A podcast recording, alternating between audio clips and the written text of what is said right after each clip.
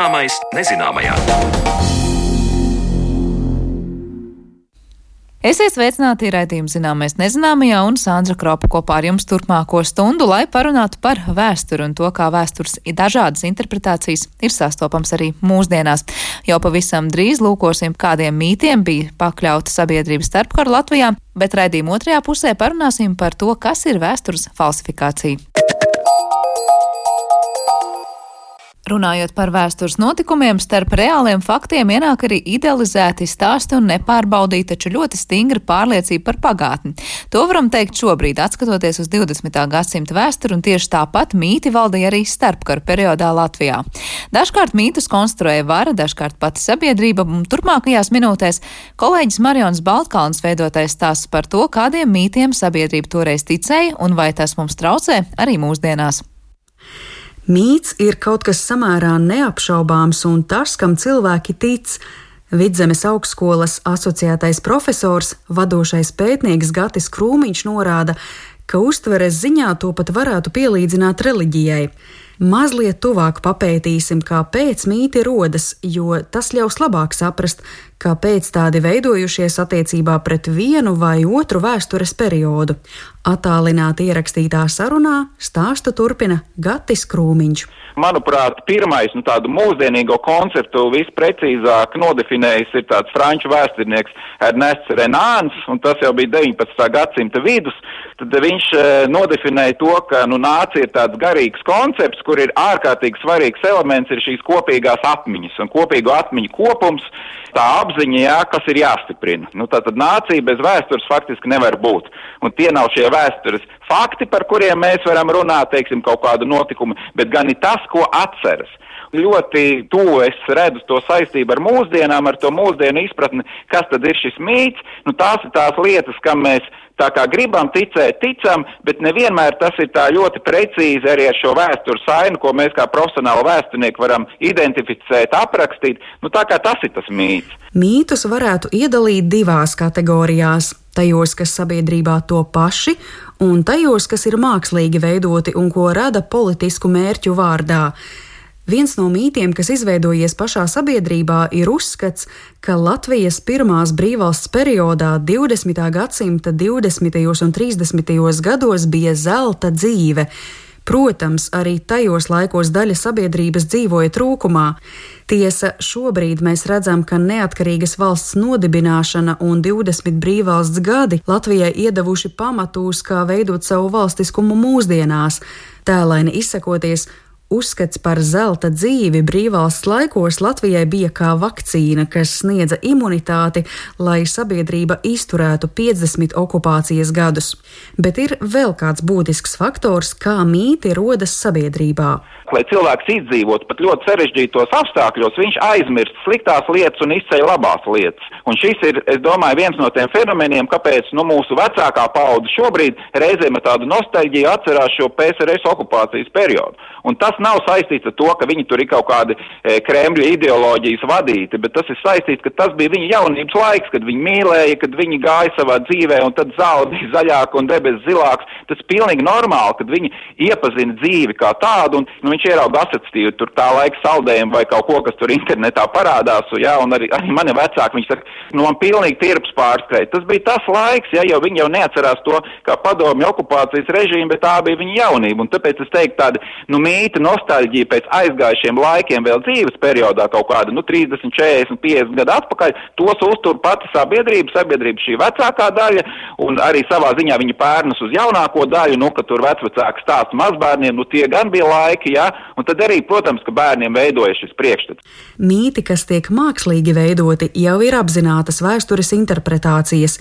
Ja atsaucas uz Ernesta Renāna teoriju, tad tas tiek darīts tāpēc, lai nācija sevi uztvertu tā, kā šī politiskā vara vēlas bet vēstures faktu interpretācijā svarīga ir arī kolektīvā aizmiršana jeb ignorēšana. Cilvēki ir kaut ko pastrādājuši, piemēram, kaut kāds noziegums, kopīgi kaut kāda vēstures aina bijusi, bet par to mēs nerunājam, to mēs ignorējam. Ja mēs, piemēram, skatāmies šo PSRS okupācijas periodu kā piemēru, jā, tad tiek runāts daudz par otro pasaules karu, kā tad te atbrīvoja mūs no nacistiem, tad pašā laikā par represijām. Nē, nē, nu tas, tas tur nav, par to vispār netiek runāts. Tā kā, nu jā, tas ir vēl viens faktors. Jā. Mm. Gaties, tad tagad gribētu vēsturē mazliet pakāpties atpakaļ. Starpkaru Latvijā aiz muguras ir nevis 50 okupācijas gadi un sarežģītie 90. bet patiesībā aiz muguras ir viss, par ko šobrīd raksta vēstures grāmatās. Ja tur ir vācu laiki, zviedru laiki, poļi un galu galā arī Krievijas impērija. Un es pieļauju, ka starpkaru Latvijā pirmais, ar ko vara iespējams pārliecināt cilvēkus, ka mums beidzot ir tas, kas mums nekad nav bijis. Mums beidzot ir sava valsts, un viss agrākais mums ir bijis svešs vai tā patiešām ir un kas ir tie mīti par agrākajiem vēstures periodiem 20. un 30. gados sabiedrībā, kas veidojas? Jā, nu, es varu piekrist tiešām par to, ka tas uh, situācija bija pilnīgi jauna un unikāla Latvijas teritorijā, ka uz latviešu tautas apdzīvotās teritorijas bāzes tika izveidot valsts. Un ne tikai izveidota valsts, bet izveidota valsts, kas tika pārvaldīta pēc pavisam citiem principiem. Nu, tad, protams, kad arī šajā laikā veidojās šie mīti, bet tos 20. un 30. gadus mums ir uzreiz jāsadala divās daļās. Tad tas pirmais posms ir līdz 34. gada 15. mājām, un tad jau aiziet savukārt eh, šī Kārļa Ulmaņa autoritārais režīms, jā, kurš savukārt tiešām jau nu, mākslīgi un ārkārtīgi apzināti radīja šos vēstures mītus, ja, un mēģināja, nu, cilvēkos būtībā, teiksim, deformēt šo priekšstatu par Latvijas vēsturi. Bet, ja mēs paskatāmies, kas tad bija tas svarīgākais un ko tad izmantoja, bija jau radies tāds mīts jaunatviešu laikā, jau nu, pusgadsimtu ilgāk pirms Latvijas valsts tapšanas par tiem e, verdzības gadsimtiem. Šie 700 verdzības gadi, jā, nu, kam faktiski, ja mēs paskatāmies vēsturiski, nu nav nekāds pamats, jā, nu, ja mēs varam runāt par tādu dzimbūšanu, tad tas ir no 18. gadsimta sākuma, kur kas bija varētu būt pielīdzinām verdzībai.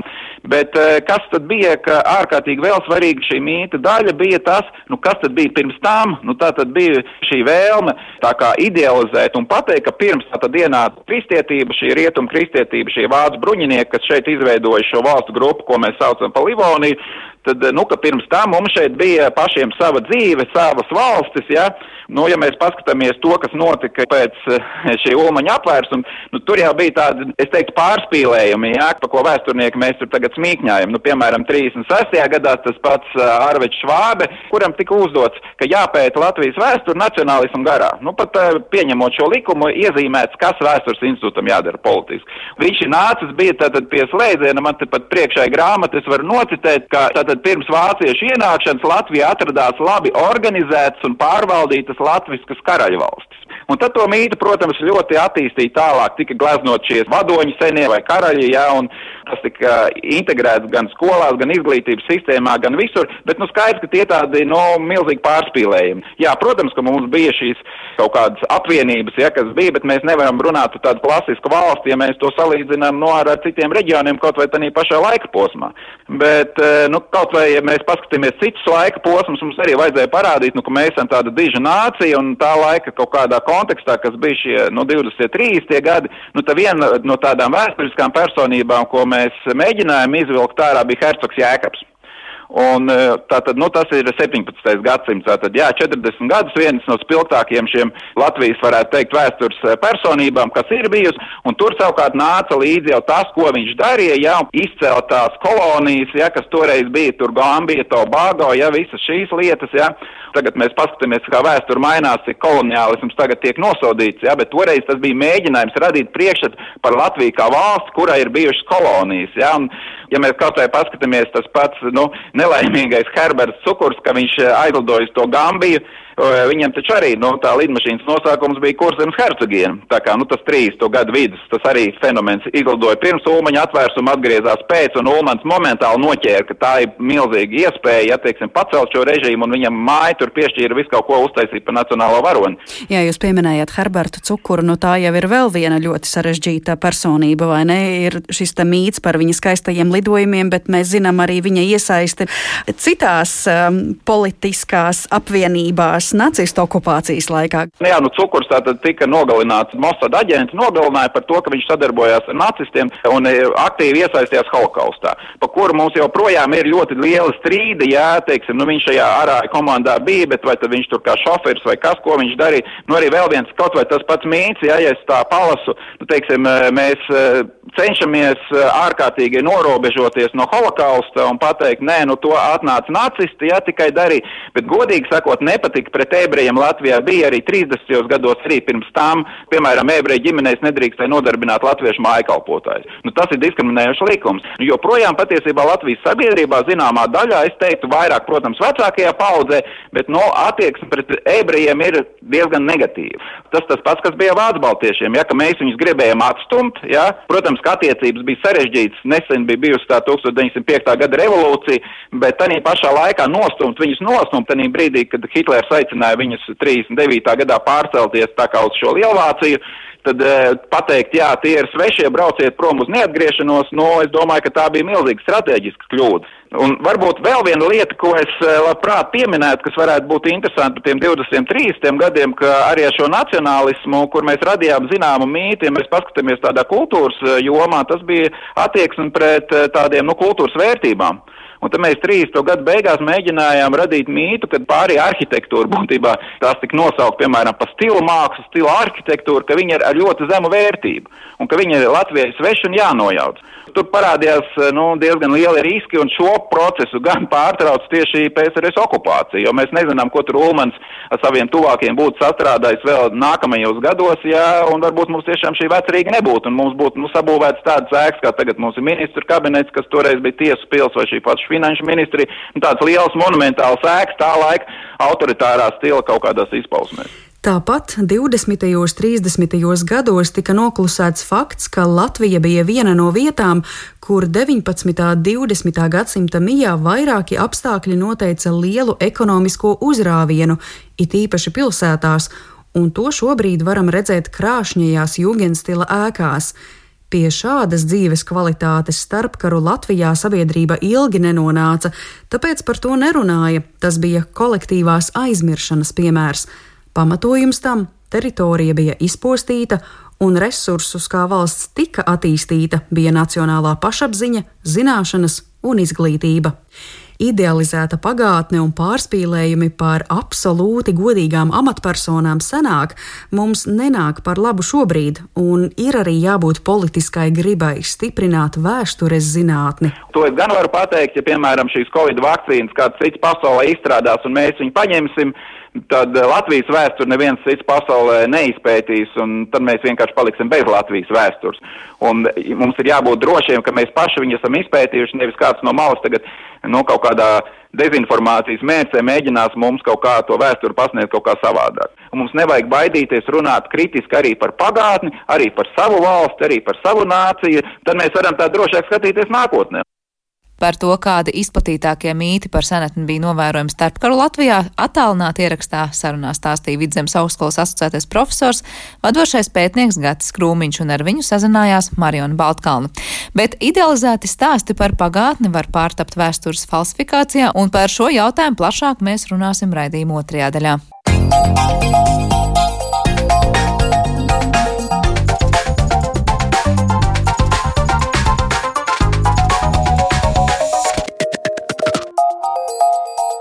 Zināmais nezināmajā. Pavisam nesen pērnā gada nogalē klajā nācis NATO strateģiskās komunikācijas izcilības centra pētījums Vēstures falsifikācija kā ietekmes instruments. Lai runātu gan par pašu pētījumu rezultātiem, gan arī plašāk par to, kā vēstures narratīva mūsdienās kļūst par propagandas ieroci un tiek izmantoti politisko mērķu sasniegšanā, mūsu attālinātajā studijā esam aicinājuši vēsturnieku Baltijas Startautiskās akadēmijas lektoru Edgara Engīzeru, tāpat arī Latvijas Nacionālās aizsardzības akadēmijas vadošo pētnieci un vidzemes Zemes augstskolas docentu Ilu Bērziņu un vēsturnieku Latvijas Universitātes filozofijas un socioloģijas institūta vadošo pētnieku Kasparu Zeli. Labdien jums visiem! Sveiki! Labdien! E, vispirms jautāšu Edgaram e, par pašu pētījumu. Kas īsti ir izpētīts un kādā veidā, jo es saprotu, ka pētījums ir gana apjomīgs, un tajā ir aptvērtas nu, gan Baltijas valsts, gan Somija. Tas, tas skats ir gana, gana plašs. Varbūt īsumā var ieskicēt. Uh, īs, īsumā runājot, uh, pie šī pētījuma sākām strādāt jau labu laiciņu atpakaļ. Un sākotnēji bija iecerēts uh, paskatīties pat vēl plašāk, jo uh, ir skaidrs, ka uh, saruna par to, cik pa, uh, lielā mērā vēsture tiek izmantota nevis zinātnisku atklājumu un zinātniskas intereses apmierināšanai, bet uh, politisku mērķu sasniegšanai, uh, protams, neskar tikai Latviju un tikai Baltijas valsts. Tā skaitā arī, ja mēs runājam par uh, Krievijas vēstures politiku, uh, tā skar un tā papildina praktiski visus Krievijas ārpolitikas virzienus. Un ar eh, šādiem jautājumiem saskarās gan Somijā, gan Polijā, gan uh, pat Rietumē Eiropas valsts, Lielbritānija, Spānija, Portugāla, uh, kas, manuprāt, ir ļoti interesanti. Bet pētījumā sanāca fokusēties vairāk tiešām uz Baltijas valstīm un, un tām valstīm, kas robežojas ar Krieviju un Krievijas politiku izbauda daudz tiešākā un ciešākā mērā. Līdz ar to, jā, mana sadaļa par Latviju ir, ir viena no, un kas, manuprāt, ir ārkārtīgi svarīgi arī, lai mēs Latvijā saprastu par to, ka mm, Krievijas dažādas vai no apsūdzības vēstures falsificēšanā, vai, vai atkal dažādas vēstures interpretācijas nav tikai unikāli mūsu gadījums. Ar to šeit mēs runājam par vēstures politiku. Un, protams, ir, ir skaidrs, ka vēsturi, uh, vēsturiskus uh, stāstus un vēstures mītus izmanto faktiski visas valsts, visas sabiedrības, sabiedrības organizēšanai pamatojot gan politiku, gan vērtību orientācijas. Un nu, mēs paši varam redzēt arī, kā vēsturē veidojās eh, dažādas Latvijas iekšējās politikas. Un, manuprāt, eh, ir ļoti būtiski mēģināt saprast, eh, ko es arī savā pētījumā akcentēju kā viena no, ir, ka ne jau ārpolitika ir šo vēstures mītu un vēstures falsifikāciju, apzinātu viltojumu pamata mērķis arī Krievijas vēstures stāsts lielākoties orientēti ir uh, iekšējiem patēriņam. Krievija cenšas uh, veidot savu, savu nāciju un uh, ir izvēlēti noteikti vēsturiskie mīti, kā stūrakmeņi šīs nacionālās identitātes veidošanai, kas uh, zināmā mērā saskarās arī ar plašāku reģionu vēsturi, tā skaitā arī Latvijas. Un, un par šo saskarsmes punktu mēs uh, lielā mērā arī runājam. Uh, Tas, eh, tas ir viens. Otrs, kas eh, mani ļoti pārsteidza, eh, veidojot šo, šo pētījumu sadaļu, ir par cik plašs ir Krievijā šis vēstījums, šis stāsts par vēstures falsifikāciju. Lielākoties tas tieši ir iekšpolitisks. Mēs runājam par uh, gulaga vēsturi, mēs runājam par represiju vēsturi, mēs runājam par Padomju Savienības uh, dažādu reģionu vēsturi. Uh, šie stāsti līdz mums nemaz nenonāk, tāpēc, ka tie nav uz mums mērķēti, bet, uh, ja mēs paskatāmies Krievijas zinātnisko literatūru un žurnālus, kas, uh, ko izdod universitātes vēsturē veltīts, tur ir desmitiem tūkstošu publikāciju pēdējo gadu laikā kas ir saistīts tieši ar vēstures pārinterpretēšanu, un tā šī pārinterpretācija notiek kā diskusija, kā apvainojumi vien starp, starp dažādu viedokļu paudējiem par vēstures viltošanu un falsifikāciju. Tādēļ arī viss šī pētījuma tāds jumta termins, kā, kā virsraksts, kā nosaukums ir tieši šī falsifikācija un apvainošana falsifikācijā kā, kā metode. Mēs nerunājam tikai par interpretācijām. Tā, tā ir nor, pilnīgi normāla zinātniska praksa, ka vai nu pārdomājot, vai nu atklājot jaunus materiālus, tiek mainīts vēstures interpretācijas kaut kādā mērā. Tad Krievija izmanto šo polarizējošo vēstījumu par to, ka mm, vai nu viena vai nu otra puse melo, falsificē vēsturi un ja mēs runājam par Krievijas politiku, tad mēs visi redzam, kā, kā iekšpolitika tur veidojās, cik lielās mērās saspīlējums sabiedrībā rodās arī citos tematos, un tieši tas pats ir arī vēsturē, un, un uh, vāras mehānismi tiek izmantoti, lai mazinātu šo iekšpolitisko diskursu. Tā skaitā jau gadiem ilgi tiek uh, veidoti dažādi likumprojekti, uh, tiek uh, pastiprinātas sankcijas par uh, oficiālajam kursam neatbilstošām interpretācijām. Krimināla atbildība tiek ieviesta par otrā pasaules kara vēstures pētīšanu, kas, kuras rezultāti varētu neatbilst oficiālajiem, tik tikko tika iesniegts likuma projekts, ka ne, nedrīkstēs salīdzināt Krievijas un Padomju Savienības un nacistiskās Vācijas politikas otrā pasaules kara laikā. Uh, trauksmes zvans pēc trauksmes zvana, bet es gribēju Kasparam un Ievai pajautāt arī šobrīd, vai šajā ziņā Krievija ir unikāla uz citu valstu fona ar to, cik ļoti tā ir pieķērusies savai vēsturē, varbūt dzīvo savā pagātnē. Kaspar, varbūt sākšu. Es teiktu, ka samērā unikāla. Unikāla dēļ tā, ka mēs redzam, ka Krievijai aizvien vairāk dodas autoritārisma virzienā un ļoti spēcīga autoritārisma virzienā. Un sekojoši arī viņas vēstures politika jā, ir autoritāra.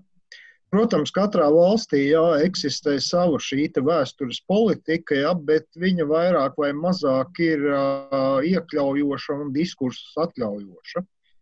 Krievijā šajā gadījumā, nu, es neteikšu, mēs te nesalīdzināsim ar Turkmenistānu, Uzbekistānu, ja, vai, teiksim, citām šīm te Āzijas valstīm, vai diez padod vēl Ķīnu vai Koreju, ja, kur ir, saprotams, cita situācija, bet, ja mēs tomēr atzīstam Krieviju kā Eiropas valsti, ja, tad uz šo Eiropas valstu fona, ja, Krievija patiešām ir unikāla. Uh, Mēs redzam, ka līdzīgi mēģinājumi nostiprināt savus vēstures narratīvus, tos pareizos, ja, kas liekas, ir nāk arī no citām, teiksim, Eiropas valstu pusēm, īpaši varbūt no Ungārijas un Polijas, ja, kurās ir diezgan lielā mērā šobrīd pastāv bažas par šo demokrātijas deficītu, ja, bet tas viss ir tādas bērnu spēles salīdzināt ar to, kas notiek tieši Krievijā.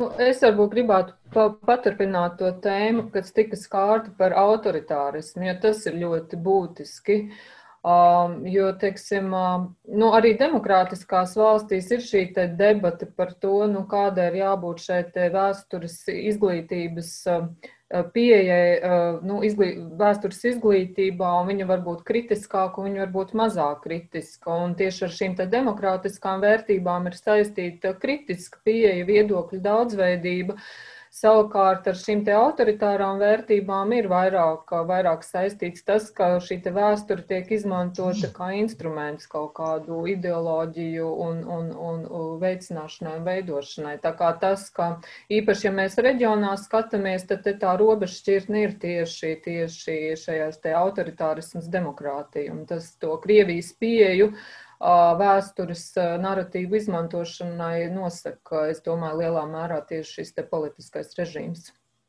Tas, kas man likās pašai ļoti saudabīgi, nu, kaut vai paskatoties Krievijas dažādu, nu, tas gan internetu vidē, YouTube dažādus kanālus, kas varbūt atļaujas runāt plašāk un domāt plašāk un, un aptaujāt cilvēkus, kas dzīvo vai nu tiešām ļoti tālos un, un, un tiešām pamestos Krievijas nostūros, vai tajā pašā laikā, kur ir piedzīvojuši savā ģimenē Staļina laika represijas, un viņiem jautā, nu, kāda ir tā jūsu attieksme Viņi saka, nē, Stalins ir labs, jo viņš karā taču uzvarēja. Un jautājums par to, kāpēc 21. gadsimta sākumā Krievijas iekšienē un arī sabiedrībā tik daudziem cilvēkiem arguments, bet mēs taču karu uzvarējām, joprojām ir arguments. Kāds ir tas jūsu redzējums?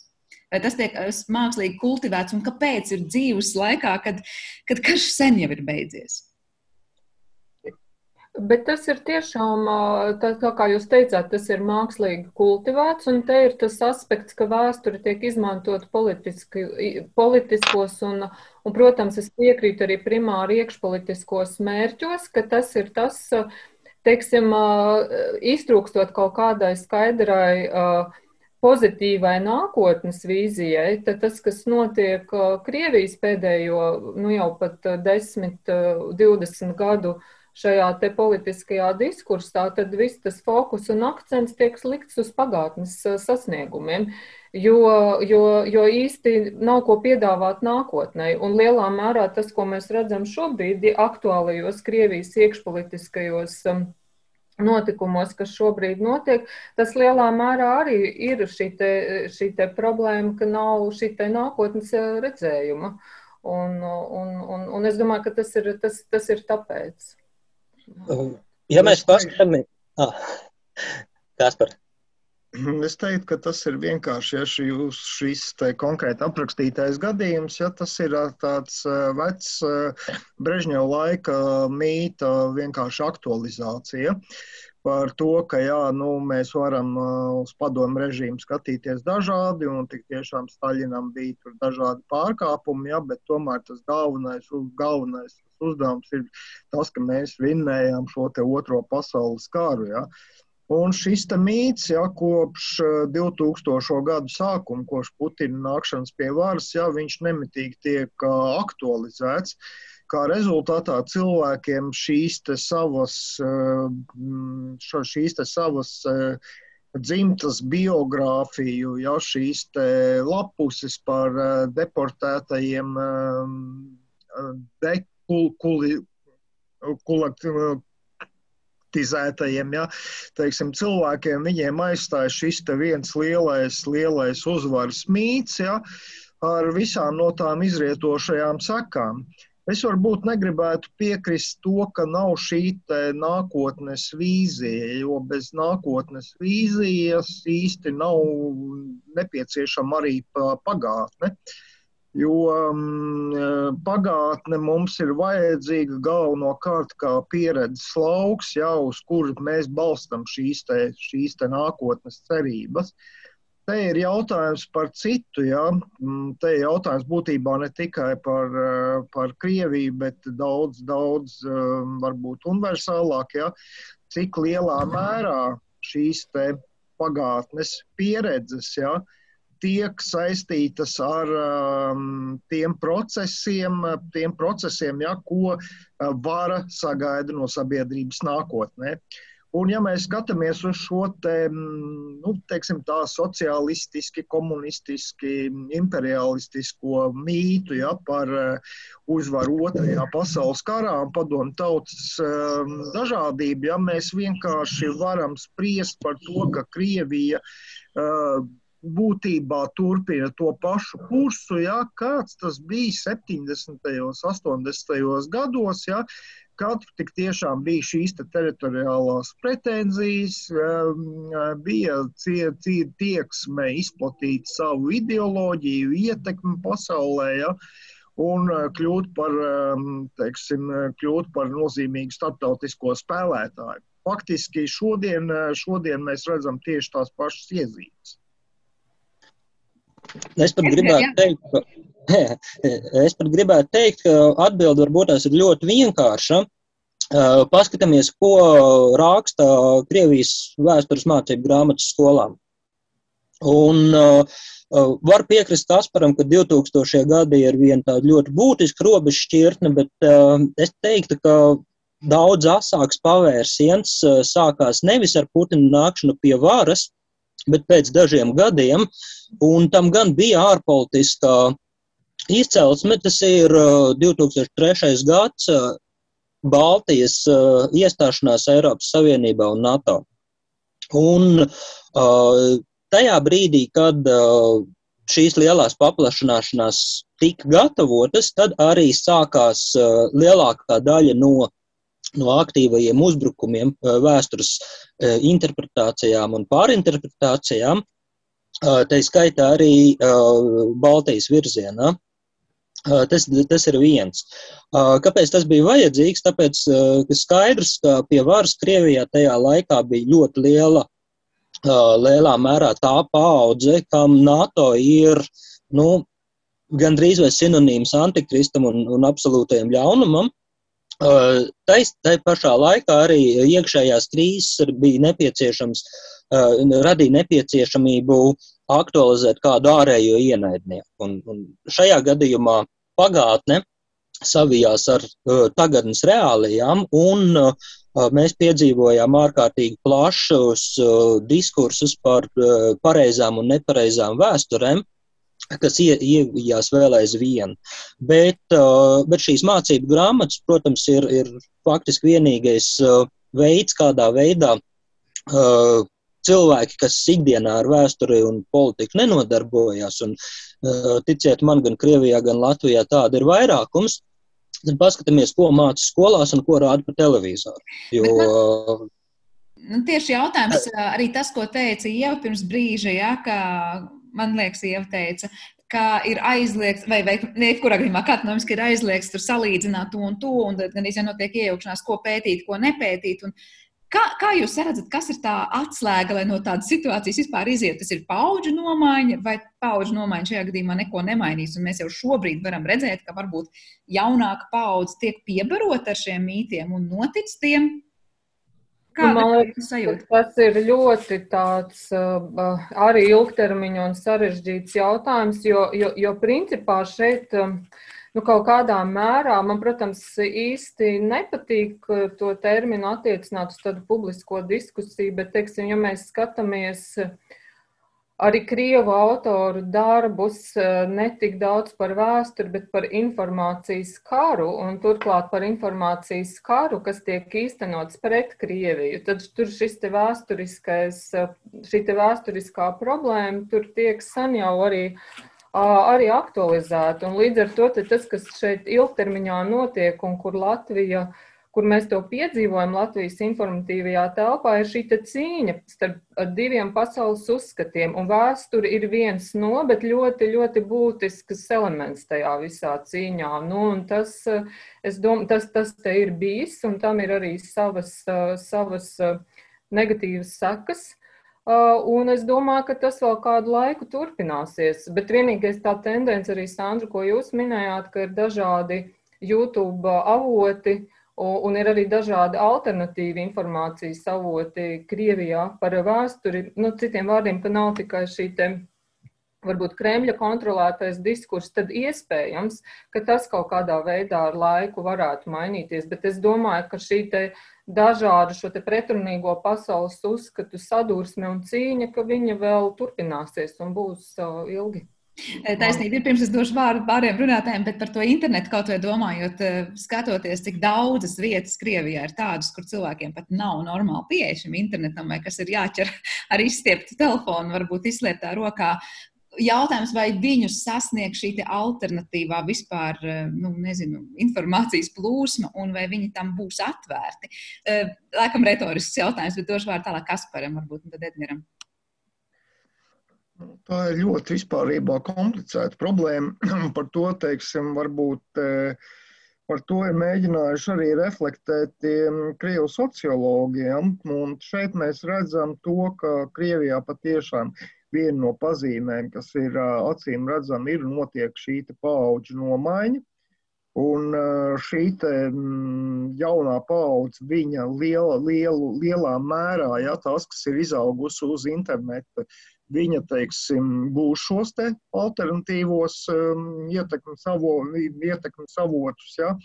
Bet tajā pašā laikā, ja, teiksim, to, ko man ir teikuši vairāki Krievijas kolēģi, ja, kas ir problēma, uh, tad uh, vairāk vai mazāk šī alternatīvā vēsture, alternatīvie uzskati, liberālie uzskati, ja, viņi tiek atvirzīti uh, nu, publisko diskursu ēnā. Viņi paliek publisko diskursu ēnā, kā rezultātā pašā priekšplānā izvirzās nu, šis Kremļa, ja, teiksim, kurētais narratīvs. Uh, Tieši to pašu es gribētu teikt par zinātniekiem, ja, kurus te apsūdz,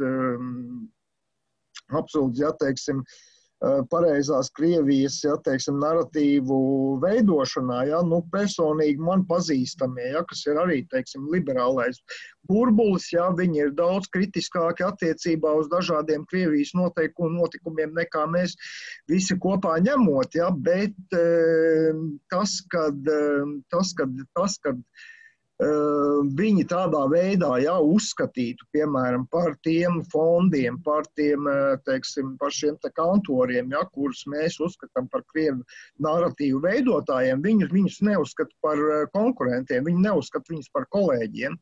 Tā nav vēsture, tā ir ideoloģija, to viņi saka. Ja. Un, ja mēs paskatāmies, joprojām, teiksim, Krievijā ir ļoti daudz izcilu vēsturnieku ja, ar lielo burtu, kas pazīstami plašā pasaulē. Un, eh, manuprāt, ir jāklausās viņos, un mēs daudz, eh, daudz varbūt pārāk pat lielu uzmanību pievēršam šai pseido vēsturē, ja? tādā veidā padarot šos narratīvus populārus. Kaut vai pašās Krievijas zinātnieku aprindās vēsturnieku, nu, šie te narratīvi, viņi tiek atzīti, ja kā lielā mērā, nu, tādi diskutabli, maigi izsakot. Nu, tas jā, bet atkal ir tas jautājums, ne, kā, kāda ir tā attieksme pret vēsturi. Ja? Vai vēsture ir tiešām kā zinātne, kur ir normālas, adekvātas pētījuma metodas un diskusija, vai vēsture ir kā šis ideoloģiskais propagandas instruments. Un ja tas ir tas otrais gadījums, tad. Tad, tad tas vienkārši tiek eksploatēts. Un, un, un, un diemžēl tā, tā, tā tā, tā mašinērija, ar kā to, kā to narratīvu izplatīt un attīstīt, ir diezgan spēcīga un, un plaš, plašas masas tas ietekmē. Edgars, man uzreiz jautājums, tikko klausoties, liekas, nu vai nav tā, ka vai, kaut kādā mērā vienmēr vēsture būs piesaistīta tai, tai, tai ideoloģijas veidošanai un politiskās, var teikt, nu, tādas dienas kārtības, varbūt pat mēdījos noteikšanai, vai, vai tas nav tā, ka ir neizbēgami kaut kādā devā vienmēr ar to saskarties?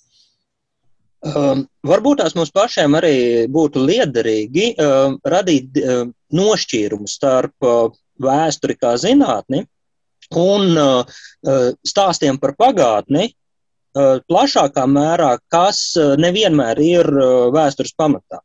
Un, un, un kuras izmanto ne tikai zinātniskiem mērķiem. Un, un, iespējams, ka tā ir mūsu kļūda saukt par vēsturi un vēstures uh, narratīviem to, tos vēstījumus, kas tiek pausti uh, par pagātni, bet uh, kas ir stipri tālu no mūsu izpratnes par to, kādā veidā zinātniski par uh, šīm tēmām ir jārunā.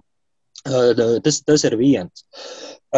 Jo skaidrs, ka reflektēšana uz pagātni cilvēkiem ir vienmēr bijusi svarīga tikpat lielā mērā kā centieni izskaidrot nesaprotamās parādības, kas ir visu reliģiju rašanās pamatā un, un tam līdzīgi. Tā kā šīs pagātnes sastāvdaļa, mēģinājumi cilvēkiem saprast, kas mēs tādi esam, no kurienes mēs nākam, viņi, viņi ir ārkārtīgi nozīmīgi un, un tādi vienmēr ir bijuši.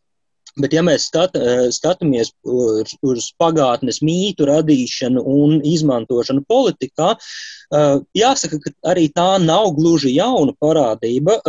Mūsdienu Krievijā izmanto varētu teikt, zelta fondu no, no visas pro, propagandas mācību līdzekļiem, kas, kas ir sarakstīti un kas ir izveidoti uh, gadsimtu garumā. Bet uh, atbildot uz to tavu jautājumu par paudžu nomaiņu, man šķiet, ka tik vienkārši tas nebūs. Un, un šeit um, neliela atslēga slēpjas Kaspar teiktajā par to, ka jau šobrīd zinātniskajās aprindās uh, ir uh, cienījami vēsturnieki arī, arī Krievijā, kam es pilnīgi piekrītu, bet uh, liela daļa no šiem vēsturniekiem jau ir, um, nu, teiksim, vidējā un pēcvidējā paudzē. Uh, tas risks, ko mēs uh, šobrīd redzam, uh, ir, ka jaunā paudze, tā skaitā arī tie, kurus pielaiž, kas nonāk vēstures studijās vai jebkurās citās studijās, mēs redzam, ka Krievijā arī atskaitīšana no universitātēm par brīvdomību ir aktualizējusies mūsdienās un citas represijas pret jauniešiem, ir, ka šī jaunākā paudze, kas tikai sāk veidoties, varētu būt pat um, atrautāka no zinātnis, vispārējā zinātniskās metodoloģijas, nekā to gribētos. Skatoties, kas ir noticis ar Krievijas sabiedrību, tur gan Levadas centra, gan daudz citu pētījumu palīdz paskatīties laika perspektīvā, var redzēt, ka sabiedrības noskaņojumi mainās ļoti ātri. Un ja kādreiz mēs uzskatījām, ka ir nepieciešama paudžu nomaiņa, lai cilvēki sāktu domāt savādāk, un, un vēsturē par paudzi tiek pieņemts aptuveni 25 gadi, kad aktīvā uh, apritē sabiedriskajā dzīvē nonāk ja, jauna cilvēku paudze. Uh, bet uh, mēs varam redzēt, ka Krievijā uh, veiksmīgi izmantojot propagandas mašinēriju, uh, arī represijas, arī uh, izglītības politiku. Uh, Krievijā sabiedriskais viedoklis ir mainījies septiņu, astoņu gadu laikā kopš Putina nākšanas pie varas. Uh, faktiski mēs varam redzēt, ka jaunā paudze ir uh, krietni vairāk uh, indoktrinēta, šie pamati ir ielikti uh, ļoti propagandistiski un tādi radikāli. Līdz ar to es teiktu, ka uz paudžu nomaiņu vien mēs īsti cerēt nevaram, jo ir skaidrs, ka nemainoties politiskajai sistēmai, politikai kā tādai, pat ja būs rietumnieciski vai, vai liberāli vai, vai kaut vai zinātniski, loģiski domājošs jauniešu kopums, kas, kas gribēs nonākt pie varas Krievijā, viņi tur nenonāks. Uh, Es domāju, ka uh, cerēt uz izmaiņām savstarpējās attiecībās, skatoties arī no Latvijas perspektīvas, tā skaitā arī vēstures interpretāciju attiecībās, mēs varam tikai tad, kad uh, Krievijā mainīsies valdošā politika. Un uh, šeit gan man gribētos uh, vilkt paralēlas ar nacistisko Vāciju, tiesa gan jau pēc otrā pasaules kara. Attiecīgi runājot par denacifikācijas procesu Vācijā, kādā veidā ļoti apzināti tika mainīta sabiedrība. Arī salīdzinoši īsā laika periodā. Uh, jo, jo ir skaidrs, ka nacistiskajā Vācijā ne jau tikai Hitlera politika uh, bija uh, atslēgas moments, bet ilgstošā laika, laika posmā arī uh, sabiedrība patiesi tai ticēja, patiesi ticēja tam, uh, tai idejai, tai filozofijai, uz ko, uz ko šī politika balstījās. Un tie, zināmā mērā, ir paralēls arī Krievijā, ka uh, pat zinātnieki, viņi uh, ļoti daudzos gadījumos tiešām tic tam, ko viņi dara un kā viņi dara, un tic Krievijas interesēm. Eh, ka, vi, ka viņa darbs uh, ir vispārējā, jo interešu labā, Un, uh, lai šo mainītu, nepietiek uh, paiet laikam. Ir jāmainās ļoti kardināli valdošajai politikai un ir jāspēr apzināti soļi, lai mainītu sabiedrību. Šobrīd informācija plūst ļoti ātri, un mēs redzam, ka 5, 6, 7, nu, maksimums 10 gadu laikā ir iespējams mainīt sabiedrības noskaņojumu ļoti kardināli. Bet uh, nu, tas ir tas jautājums, kāda būs Krievija jau pēc Putina, un, un skaidrs, ka tas nebūs ne gada, ne divu jautājums, bet uh, kad šī uh, pēc Putina Krievijas sabiedrības veidošana varētu sākties, tas, tas, manuprāt, jo sevišķi šobrīd ir ļoti sāpīgs jautājums bez kādas skaidras atbildes. Jā, bet klausoties, Edgars, tevī likās nu, tāds kā nebeidzamais lokus. No vienas puses, tu saki, kamēr nemainīsies tā pastāvošā kārtība un politiskā ja, kārtība, tad jautājums, kamēr šie mīti ir dzīvi un cilvēki tiem tic, cik ļoti viegli vispār un iespējams ir šai, šai sistēmai politiskai mainīties. Jautājums, cik liela sabiedrības daļa patiesībā savos mītos dzīvojot, to kaut kādā mērā atbalsta. Bet es jūtu, ka te ir vēl ļoti daudz jautājumu, kurus mēs varētu risināt un arī sīkāk teikt, analizēt, kā tad veidojas šie vēsturiskie mīti arī mūsdienās. Bet šajā reizē gan es teikšu jums visiem trijiem lielu paldies par šo sarunu. Es atgādināšu, ka dzirdējām vēsturnieku un Baltijas starptautiskās akadēmijas lektoru Edgars Engīzeru, Latvijas Nacionālās aizsardzības akadēmijas vadošo pētnieci un vidzemes augstskolas docentu Ievu Bērziņu, kā arī vēsturnieku un Latvijas Universitātes filozofijas un socioloģijas institūta vadošo pētnieku Kasparu Zeli. Paldies arī visiem par klausīšanos un uz tikšanos citā reizē.